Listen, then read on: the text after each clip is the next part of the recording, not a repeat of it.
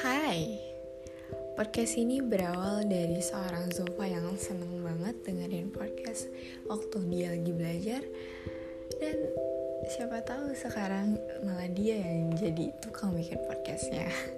Jadi aku merekomendasikan ini podcast untuk didengarin ketika kalian lagi mau belajar atau kalian mau kayak sebelum tidur gitu.